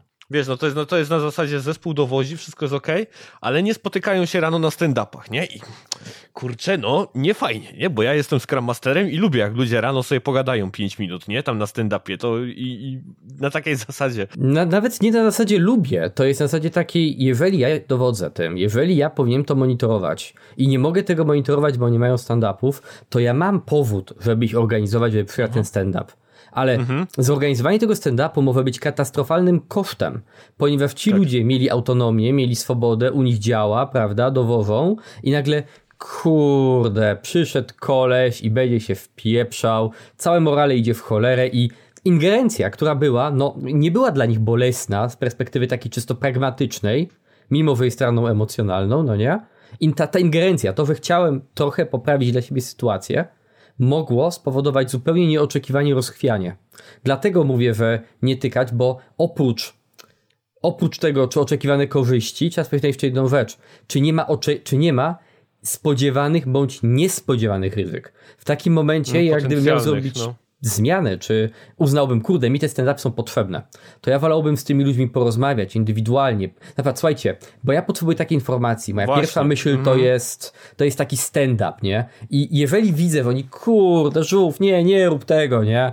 Kurczę, tak dobrze jest, znowu to no, to... to jest, wiesz, ja miałem dokładnie idealnie sytuację, yy, teraz mi się przypomniała w jednym z projektów, która wypisz, wymaluj tak wyglądała, aczkolwiek zmieniliśmy to po czasie, bo to było tylko pozorne, natomiast weszłem do projektu i zobaczyłem, że robią stand-upy pisemne na Slacku. Spotkaliście się pewnie gdzieś tam może o tym, że po prostu, że piszą takie, takie, takie stand-upy pisemne i w momencie, wiesz, jak, jak zobaczyłem to, to lampka w głowie mi się momentalnie za, za, zapaliła, e, wiesz, że, że, trzeba coś z tym zrobić, nie? że to nie jest tak, jak jakby się to gdzieś tam powinno tam e, wykonywać. Mhm. Aczkolwiek to im funkcjonowało, bo ja potem pogadałem z tym zespołem i się okazywało, że oni a że oni to czytają, bo jaki jest problem z takimi czytanymi jakby tam, e, wiesz, na Slacku stand-upami na zasadzie, że nikt tego nie czyta, nikt tego nie ogląda, to gdzieś tam idzie w eter, nikt się tym nie przejmuje i tak dalej, aczkolwiek ten zespół pokazywał, że ich te rzeczy interesują, nie, że oni, jak coś pojawiło się u kogoś w takim wpisie na Slacku, to zrobił się wątek, hej, a możesz mi o tym powiedzieć więcej i tak dalej, patrzę, kurde, wątki się tworzą, cholera, ludzie gadają tam na tym Slacku o tych rzeczach, które pojawiają się w tym gdzieś tam pisemnym tym, więc ogarnęli to, nie, to jest, to była forma stand-upu, która im odpowiadała, nie? I wtedy tak naprawdę musiałem gdzieś tam tak jakby przezwyciężyć to moje takie naturalne, że powinno się to robić gdzieś tam inaczej, bo w kontekście tego zespołu po prostu to funkcjonowało, nie? Mhm. Ale to samo mi powiedziałeś kiedyś, bo to, to chyba trzeba to rozgraniczyć, że dlaczego ty uważasz, że ja nie byłbym dobrym liderem i powiedziałeś właśnie, że ja czasami mam problem z ego. I że czasami po prostu, wiesz, tak jak w tej sytuacji, że chcemy coś zrobić, dlatego że ja tak uważam. Powinniśmy tak zrobić, dlatego że moje ego ucierpiało. I to trzeba mhm. rozdzielić od dobra projektu, celów projektowych i tych. Jeżeli to jest celowe i daje korzyści, zmieńmy to. Jeżeli to działa w tym zespole i daje korzyści, zmieńmy to. Jeżeli mam problem, który wpływa na moją pracę, a ją muszę wykonywać, jestem częścią zespołu, pomóżcie mi. To nie jest kwestia taka, że lider jest ciałem obcym w oku, zespołu, mhm. jakąś, nie wiem, planetą typu, wiesz, księżyc ze lata wokół Ziemi, a Ziemia jest najważniejsza w całym wszechświecie, jak wiemy od czasów kopernikańskich. Tylko to jest jeden układ i ten układ musi współgrać. Te siły na, na siebie działają. Jeżeli ja nie realizuję swojej roboty, to wy też nie. Chociaż tak de facto możemy dostarczać te taski w postaci, wiecie, nie wiem, spalania czegokolwiek, co, co, czy tam, co jest realizowalne. I zawsze trzeba się właśnie skupiać na tym, żeby oddzielić. To, to, to chyba ty mi powiedziałaś, albo kolega mi to powiedział, teraz nie pamiętam już kto, że dobry lider to jest osoba, która jak, Japoń, jak w Japonii zdejmuje ego i zostawia go w półce na buty przed wejściem do pokoju. Mhm. Że on po prostu zostawia, zostaje za drzwiami no. i on wie, że to nie jest część jego pracy, to nie jest miejsce w tym pokoju, w którym znajdujemy się razem z zespołem. Ja mówię teraz o wirtualnych pokojach, bo większość pewnie pracuje zdalnie, ale trzeba to umieć rozgraniczyć. No tak, tak, zdecydowanie. To gadaliśmy o tym też. No to chyba, że tak powiem, mamy dość sporo konkluzji w tym całym zakresie, więc pora, że tak powiem, płynnie zakończyć pierwszą część i tutaj pozostawiam wam, drodzy słuchacze, możliwość po prostu dajcie znać w komentarzach, jak się na to zapatrujecie jak taka forma Wam się podoba, ale też odnieście się po prostu do części, do merytoryki, która to została, czyli naszych wniosków, naszych metod. Tomek powrzuca te linki pod ten, więc możecie zapoznać się z nimi. Jak chcecie coś poszerzyć mhm. albo poznać właśnie w tym zakresie, to też dajcie znać. I tak płynnie przechodzę do drugiej części, czyli Just One More Thing, albo jeszcze jedna rzecz. I zacznijmy może w tym odcinku od pomysłodawcy tej idei, czyli od Tomka i słucham cię bardzo. Okej, okay, dobra, to w takim razie z racji tego, że uzgodniliśmy sobie, że po prostu każdy przychodzi z czymkolwiek, co uważa za wartościowe na odcinek, to ja mam taki skrót, który nie wiem, czy się z nim spotkaliście, tak jakby w tematach gdzieś tam IT, organizacji pracy, jak MMOL. Massive Multiplayer Online. Spotkaliście Lame? się może z tym? Właśnie nie chodzi o Massive Multiplayer Online. E, chodzi o Middle e, Manager-less Organizations. E, I chodzi tutaj o organizację o można powiedzieć, płaskiej mhm. strukturze. I tutaj nie śmiejcie się, to, to naprawdę okazuje się, że istnieje. I spotkałem się z tym, czytając sobie artykuł na stronce, której nazywa się Corporate Rebels. Nie wiem, czy ktoś gdzieś tam z Was to e, kojarzy, taki portal, natomiast tam właśnie opisywał e, facet właśnie organizacje, które wpisują się jakby w tym MMOL, czyli Middle Manager-less Organizations. I podał bardzo fajne przykłady. Jeden z takich przykładów, który mi zapadł gdzieś tam w pamięć, jest firma, która nazywa się Bircok w Holandii. Słyszeliście ja może o tym? Nie, to jest, ja nie miałem to pewności. To jest firma, która zajmuje się w ogóle opieką e, tam pielęgniarek e, w domach e, prywatną. I oni generalnie rzecz biorąc, tak jakby założyciel tej, tej firmy, tak jakby był zdenerwowany na, na biurokrację, która gdzieś tam się e, szerzy i, no i w ogóle ten cały tak jakby command and control proces związany ze służbą zdrowia i postanowił coś zrobić swojego. I miał taką fajną ideę, że, że chciał zbudować, albo chciał udowodnić, że tak naprawdę że autonomia, zaufanie, empowerment dadzą wyniki dla pracowników i dla pacjentów. I zbudował organizację zaczynając tak naprawdę od czterech pielęgniarek, która urosła teraz do 11 tysięcy tak naprawdę mhm. zatrudnionych przy braku jakiegokolwiek działu marketingu, działu planowania, HR-u. Cała organizacja wygląda w ten sposób, że jest sobie tam kadra, można powiedzieć, zarządzająca, która stanowi 0,4%. Tam jest, tam to jest y, kilka, kilkadziesiąt osób, a wszystko jedno to są po prostu pracownicy. Jak oni są ustrukturyzowani? E, podzieleni są w ogóle na zespoły.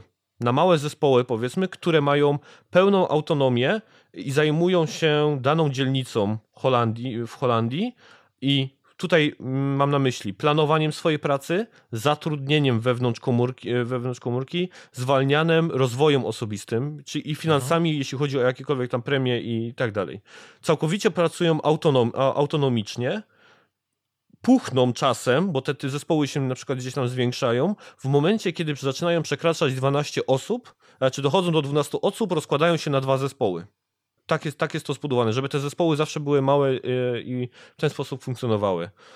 I to działa, to działa niesamowicie, bo akurat tutaj tych liczb nie mam, ja je podam w, w artykule, który mogę gdzieś tam wam podrzucić. Natomiast oni wyprzedzają grubo, grubo, całkowicie konkurencję w, w, w Holandii, jeśli chodzi o opiekę zdrowotną. E, I to zarówno w kontekście płac, zadowolenia pracowników i mhm. zadowolenia pacjentów. Są tak jakby deklasują e, gdzieś tam e, całość. E, co jeszcze tutaj ważnego jest do, do powiedzenia, że jak jest tam tych 11 tysięcy zatrudnionych pielęgniarek, w, w, organizacji, to na to przypada 20 trenerów, którzy pomagają im rozwiązywać problemy, które same zespoły mhm. nie są w stanie tak jakby rozwiązać. To są tak jakby te, te, na zasadzie takiego coachingu. Jest 20 tak, te, te, naprawdę trenerów i ważna rzecz, że został stworzony coś, co oni nazywają Bircok Web.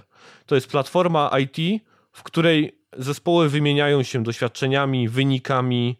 E, działają, działa tam na przykład coś na zasadzie E, forum, tak, że ktoś wrzuca jakiś problem czy jakąś tam sytuację, z którą ma pytania i osoby z wewnątrz sieci po prostu momentalnie odpowiadają, e, fun funkcjonuje, więc jest to wsparte jakimś systemem IT, gdzie mogą także porównywać sobie wyniki badań pacjentów pomiędzy sobą, e, różnego statystyki, a także CEO, który jest tak naprawdę gdzieś tam jedną osobą, komunikuje się z wszystkimi zespołami również przez platformę, więc bardzo ciekawy temat, e, właśnie te Middle Managerless Organizations.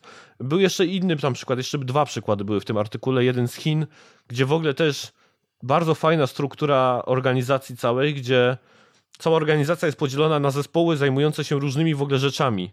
Był dział na przykład wytwórczy, dział marketingowy i dział sprzedażowy. I w momencie, kiedy pojawił się na rynku problem do rozwiązania, na przykład e, wiemy, że w regionie chce, chcą ludzie kupować laptopy gamingowe. I oni się dogadywali wewnątrz organizacji, tak jakby te komórki się łączyły. Marketing mhm. z wytwórczym, z zakupem chipów i z handlowcami. Budowali sobie taką mini organizację z czterech komórek, rozwiązywali problem braku w ofercie laptopów gamingowych, normalnie je tworzyli i po prostu puszczali to na rynek i się znowu rozczepiali. Po prostu tak jakby te komórki, to można sobie tak trochę wyobrazić pod mikroskopem, łączyły się, rozwiązywały daną sytuację i znowu się rozchodziły, nie? E, I to też wszystko było zarządzane tak naprawdę gdzieś tam tylko zarządem kilkunastoosobowym, a zatrudnieni byli znowu w tysiącach czy tam, e, e, tak jakby różnych, różnych ludzi w różnych komórkach. Bardzo ciekawe w ogóle zagadnienie. Polecam gdzieś tam się nim zainteresować. Mi się bardzo spodobało. Weszł mi też w pięty, muszę powiedzieć ponieważ e, był taki moment, gdzie ja widząc na tym, że to kolejny artykuł w sieci się pojawił o praskiej strukturze organizacji, to sobie zażartowałem, że no, no, kolejny taki framework, na co autor mi odpisał, że a może jednak byś najpierw przeczytał ten artykuł, przeczytałem, no i faktycznie bije, bije się w piersi, jest to możliwe. Jak zacząłeś mówić o tym przykładzie, o tych pielęgniarkach, to ja mam strasznie wysokie zdanie, jeżeli chodzi o umiejętności pielęgniarek i o motywację pielęgniarek. Więc dla mnie e, to po prostu się wpisuje, że on, one mają tak wysokie poczucie celu i tak poczucie, wiesz, moralnego, wiesz, motywacji w tym zakresie, że sobie pomyślałem, kurde, to jest jedno z niewielu, oprócz strażaków, miejsc, czy tam nawet osób, które faktycznie to by zadziałało i super, nie? Bo po prostu, wiesz, no, ale to trochę bazuje na własnej percepcji. Mhm. Ale w momencie, w którym dałeś ten drugi przykład z łączeniem tych komórek, że mogą się łączyć komórki o różnej specjalizacji, one to robią dynamicznie, bez jakiegoś większego zarządzania, to już mi trochę kopara opadła. Dlatego, że to się nie wpisuje w to, co ja widzę na co dzień. Mhm. W sensie to jest ideowo świetne, ale jak mi powiedziałeś, że to działa w dwóch różnych przypadkach, to to u mnie wywołało wow, kurde, to jest coś, do czego bym dążył. Czyli jak orga- bo to, to mówisz, to po prostu to, co mówisz, to mi przypomina organizm ludzki. Czyli w momencie, w którym komórka jest zbyt duża, dzieli się na mniejsze. Mhm. W momencie, kiedy jest zbyt mała, może się też wsiąknąć. Dobra, może w organizmach się nie wsiąkają w przypadku zmniejszania, ale wiesz, tą drugą stronę, czyli w kierunku podziału, rośnięcia i tak dalej, to fajnie działa. Szczególnie, że liczby, które podajesz, to są liczby, które są silnie sprawdzone w e, militariach, czyli w wojsku. I e, to też świadczy o tym, mm. że no, to działa. Ta, ta, magiczna liczba 6 pokazuje, no 6 czy 8 osób, że sama świadomość tych ludzi, kiedy się podzielić, w jakiej sytuacji, w jaki sposób przekazać odpowiedzialność, jak to regionalnie zarządzać, wiedzą do kogo się zwrócić, pokazuje ciekawe takie elementy właśnie inspirowane, czy tam działaniem organizmu, ale też pokazuje, że to jest wzięcie dobrych praktyk z różnych miejsc, o których można wiele przeczytać i sprawdzenie ich w boju. Jeśli to faktycznie działa tak, jak mówisz, a nie mam prawa nie mhm. wierzyć, no to jest coś, co idealnie po prostu się wpisuje, co mhm. ja bym mhm. chciał. Czyli wiesz, minimalizację czegoś, co, man, co jest nieistotne z punktu widzenia organizacji, tego takiego znaczy, nie, nie chciałem tego brzydko nazwać, ale nazwijmy to tego nowotworu middleware'owego, mówiąc bardziej, czyli te, tej pulpy pośrodku, która istnieje tylko po to, żeby zdjąć z ludzi. I to też jest moja obawa, że ludzie, z którymi ja pracuję, w momencie, w którym miało być coś takiego realizowalne, wydaje mi się, że jeszcze nie dorośliśmy do takiego etapu, żeby to faktycznie działało i ciekawi mnie, co by musiało się zadziać, żeby w IT to mogło działać i czy to jest w ogóle możliwe, bo jednak middleware to jest jakby dobra, nazwę to ścieżką kariery dla deweloperów pewnie w większości firm, czy QA, więc jakby tego nie było, to ludzie po prostu mhm. nie mieliby możliwości rozwoju i trzeba by było to w zupełnie inny sposób realizować, te ścieżki kariery, ale mówili, że to zapewnili, więc jestem bardzo ciekawy, z miłą chęcią zobaczę po tym podcaście, czy też przeczytam ten artykuł. Ja z zupełnie innego, znaczy ja zupełnie inaczej na to patrzę niż ty, mimo, że dokładnie ten sam fragment mnie zaskoczył. Znowu, jak powiedziałeś sam, dobrze, pielęgniarki i strawacy potrafi to zobaczyć, ale z innych powodów, nie z powodów motywacyjnych, a z tego powodu, że pielęgniarka i strawak mają bardzo szybką pętlę informacji zwrotnej odnośnie swoich działań. Widzą, co się dzieje. Pielęgniarka widzi, że ratuje życie, strawak widzi, że albo wynosi te koty z powaru, albo ratuje ten dom, prawda? Mhm. Czyli to sprawia, że ta koordynacja, tak jak w wojsku, że ta koordynacja jest prostsza, bo jest bardziej namacalna. I teraz, to dlaczego w wojsku to często działa, to jest commander's intent. Czyli wiedzą, ci ludzie wiedzą wysokopoziomo, to jest ten vision purpose, to jest ten cel wysokopoziomowy, wizja do osiągnięcia, że oni widzą, co się dzieje. I mi szczęka opadła do ziemi, Tomku, gdy mhm. dałeś ten przykład, dlatego, bo podałeś przykład, brakuje komputerów gamingowych i te komórki, te działy się potrafią połączyć, osoby z tych działów, żeby wyprodukować konkretne rozwiązanie. To znaczy, że w jakiś sposób na przestrzeni tych osób, bez koordynatora, bez kogoś z zewnątrz, z góry, że te osoby niezależnie potrafiły zidentyfikować vision and purpose, czyli że to, znaczy konkretnie strategię, która dąży do tego vision and purpose, to raz, a dwa, mhm. że nie rywalizowały z innymi subliniami złożonymi z komórek, które wpadły na dokładnie to samo. Dla mnie mhm. to, co jest najbardziej zaskakujące w tej całej opowieści, jest to, że z jednej strony, no jak nieprawdopodobnie piękna koordynacja między nimi musiała wystąpić. Że mhm. ci to zrobili, a inni nie. A druga rzecz, jak bardzo silnie oni wszyscy rozumieją tą wizję i misję, i zintegrowali ją, że potrafili zidentyfikować, że to działa. A trzecia rzecz, jak bardzo ta firma im ufa, że to się było w ogóle możliwe. Bo przecież mhm. jeżeli tego co robiono oddolnie, to bardzo wiele razy to się spieprzy, nie zadziała, zepsuje. A mhm. jednak firma na to pozwoliła, więc ludzie się wytrenowali i zbudowali sobie te umiejętności. Bo żeby, to jest jak z baletem, nie? Żeby balet się udał raz, czy taniec na studniówce, żeby udał się raz, to mnóstwo razy musi się nie udać. A to są mhm. koszty. Mhm. Dokładnie tak, więc bardzo, bardzo ciekawe generalnie zagadnienie. Ja oczywiście podlikuję materiały do tego, e, żeby każdy mógł sobie tam doczytać. Mnie to ostatnio jakoś tam bardzo zainteresowało i stąd to wrzuciłem na, na, na odcinek. E, nie wiem, to może teraz zagrajmy tak, to ja wytypuję żółwia. O, w mordę, mamuta. Dobra, więc ja mam coś, co w sumie jest ciekawego z mojego punktu widzenia. Wziąłem to z książki Art and Fear, czyli Sztuka i Strach Balesa i Orlanda, a mianowicie dotyczy to sposobu uczenia się i estetyki. A dokładniej, mhm. gdy zaczynamy coś robić, cokolwiek, nie wiem, zaczynasz rysować, zaczynasz programować, nieważne co, to ty masz wizję tego, co chcesz zrobić, prawda? Na przykład, nie wiem, patrzysz, wow, takie ładne rysunki, chcę świetnie rysować, nie? Albo chcę mhm. być świetnym programistą. I to jest poziom estetyki. A potem siadasz i wiesz, chcę narysować kotka. Krok pierwszy, kółeczko. Krok drugi, znak zapytania. Krok trzeci, piękny kot, nie? Mhm, tak. No i to jest to, że, że nasze umiejętności nie są wystarczająco duże, nie umiemy tego zrobić i to jest mega zniechęcające, nie umiemy iść do przodu i stoimy w miejscu. Nieważne czego nie robimy. Czyli e estetyka, y, która nas motywuje i sprawia, że chcemy coś robić, blokuje nasze umiejętności działania, bo patrzymy i widzimy, jak bardzo jesteśmy nieadekwatni w naszych własnych oczach, tak jakby. I to jest Czyli taka... jakby blokuje nas wizja tego, e, jak, jak widzimy jakąś gotową rzecz, która, na którą patrzymy, Tak. I, I, momentalnie się blokujemy, bo wiemy, albo po pierwszej próbie, że, że o kurde, to będzie albo trudne Po setnej próbie widzimy, że się tam nie zbliżamy i to mhm. boli jak cholera, nie? Co więcej, apetyt rośnie w miarę jedzenia. Czyli im, im więcej wiesz, im więcej widzisz, tym bardziej cię to demotywuje. Bo tym bardziej mhm. widzisz, bo twój poziom estetyki też rośnie. I, I tam jest rozwiązanie w tej książce na to. E, to jest na bazie tego pewien mm, ten nauczyciel ceramiki czy garncarstwa, prawda? Zrobił mhm. eksperyment i dał grupę A i B, czyli klasyczny test AB, no nie? Mhm. Grupa A była oceniana pod kątem jakości swoich garnków. Grupa B była oceniana tylko pod kątem ilości wyprodukowanych garnków. Czyli wiesz, mogły być mhm. kiepskie, do kitu, nieważne, mhm. ale ma być ich tak. dużo. Mhm. I po paru miesiącach okazało się, że grupa oceniana za ilość przekroczyła w jakości grupę ocenianą za jakość. To innymi, ciekawe jest. No właśnie, rozumiesz, innymi słowy, doszło do tego, że tyle razy to robili, tyle razy ćwiczyli, Aha. wiesz, podstawowe metody, no tak. podstawowe techniki, bo robić szybko, nie mogą poprawiać, szybko, szybko, szybko. Tak więc zaczęli osiągać mistrzostwo w czynnościach podstawowych i jako, że nadal robią dużo, nadal robią szybko, i nie patrzą na to z perspektywy estetycznej, w ogóle nie uruchamiają tego zmysłu estetycznego, tak? Mają robić chałturę, ale dużo i szybko. I nagle się okazuje, że bardzo, że oni szybciej osiągają dobre umiejętności i wysoki skillset niż ludzie, którzy są blokowani przez swój własny zmysł estetyki. Czyli to tak na zasadzie trochę katy, tak? Dokładnie.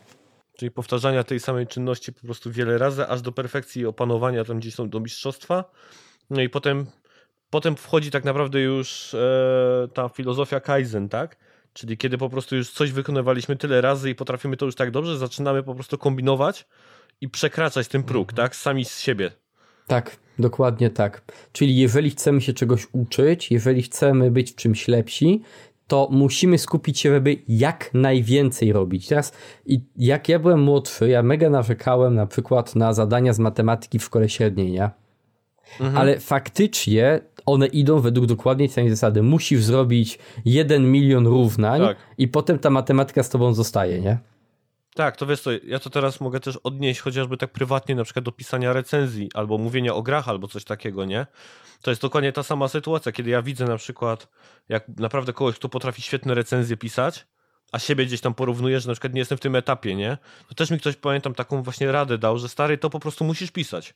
Musisz pisać jedną za drugą i tak dalej, napisać ich dziesiątki, i tak, bo nie ma innej możliwości wejścia tak naprawdę i, i napisania lepszych recenzji, jak po prostu ilościowo, nie? E, wypracowania. Ale wiecie, trochę trzeba, trochę trzeba przygasić ten ogień, który teraz zapłonął, z tej prostej przyczyny, że mówimy o tekstach, garnkach i rzeczach, które są niskokosztowe, jeżeli chodzi o edukację, prawda?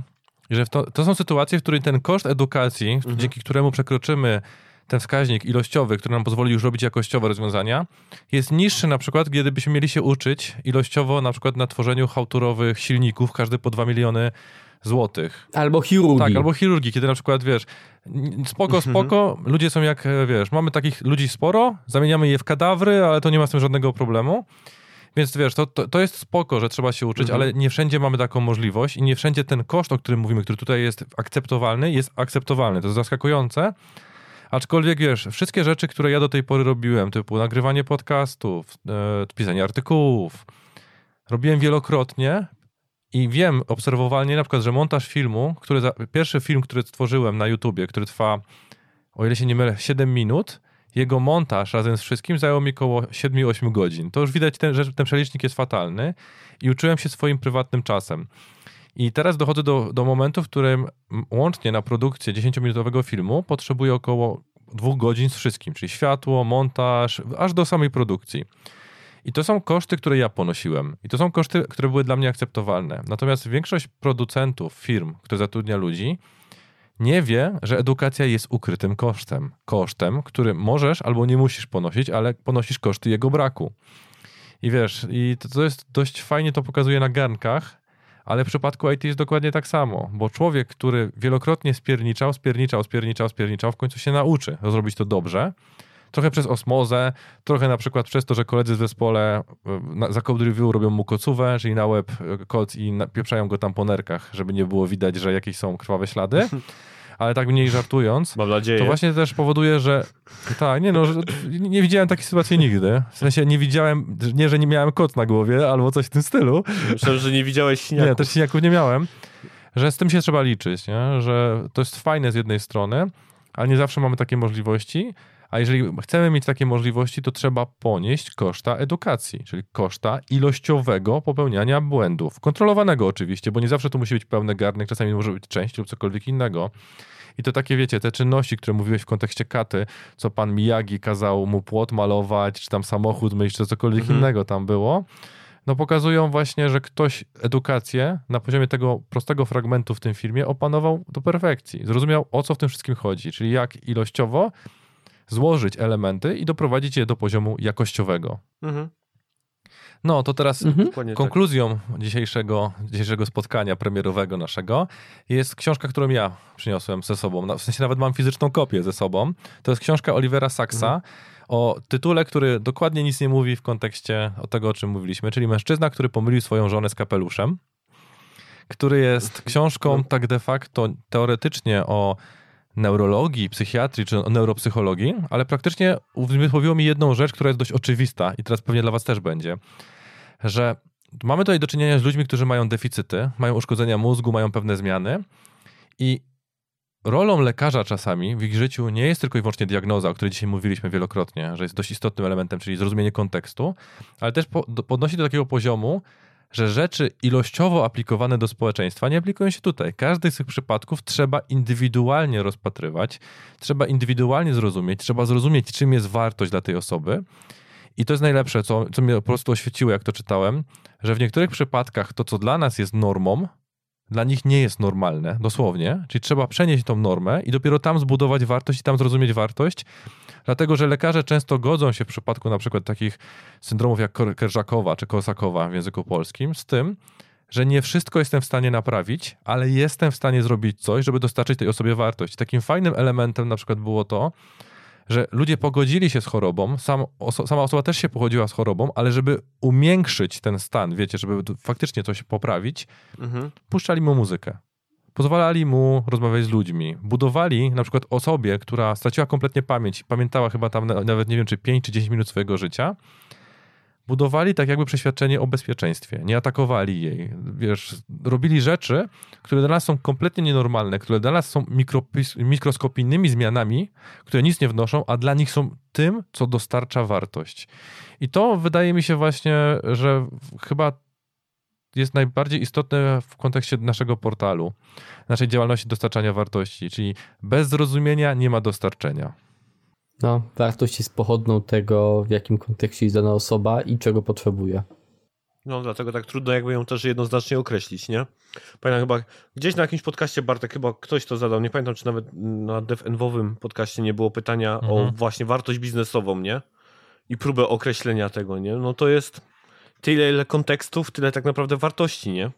To jest, to jest tak zwany pustosłów, czyli dopóki go nie rozpakujesz, to on jest niczym. Tam, to, jest, to, to jest kwestia taka, że nasze modele mentalne chcą upraszczać rzeczy, podczas gdy samo to słowo już nam mówi cholera nie upraszczaj, tylko otwórz, rozpakuj, zdekomponuj, zrozum, co ta osoba rozumie.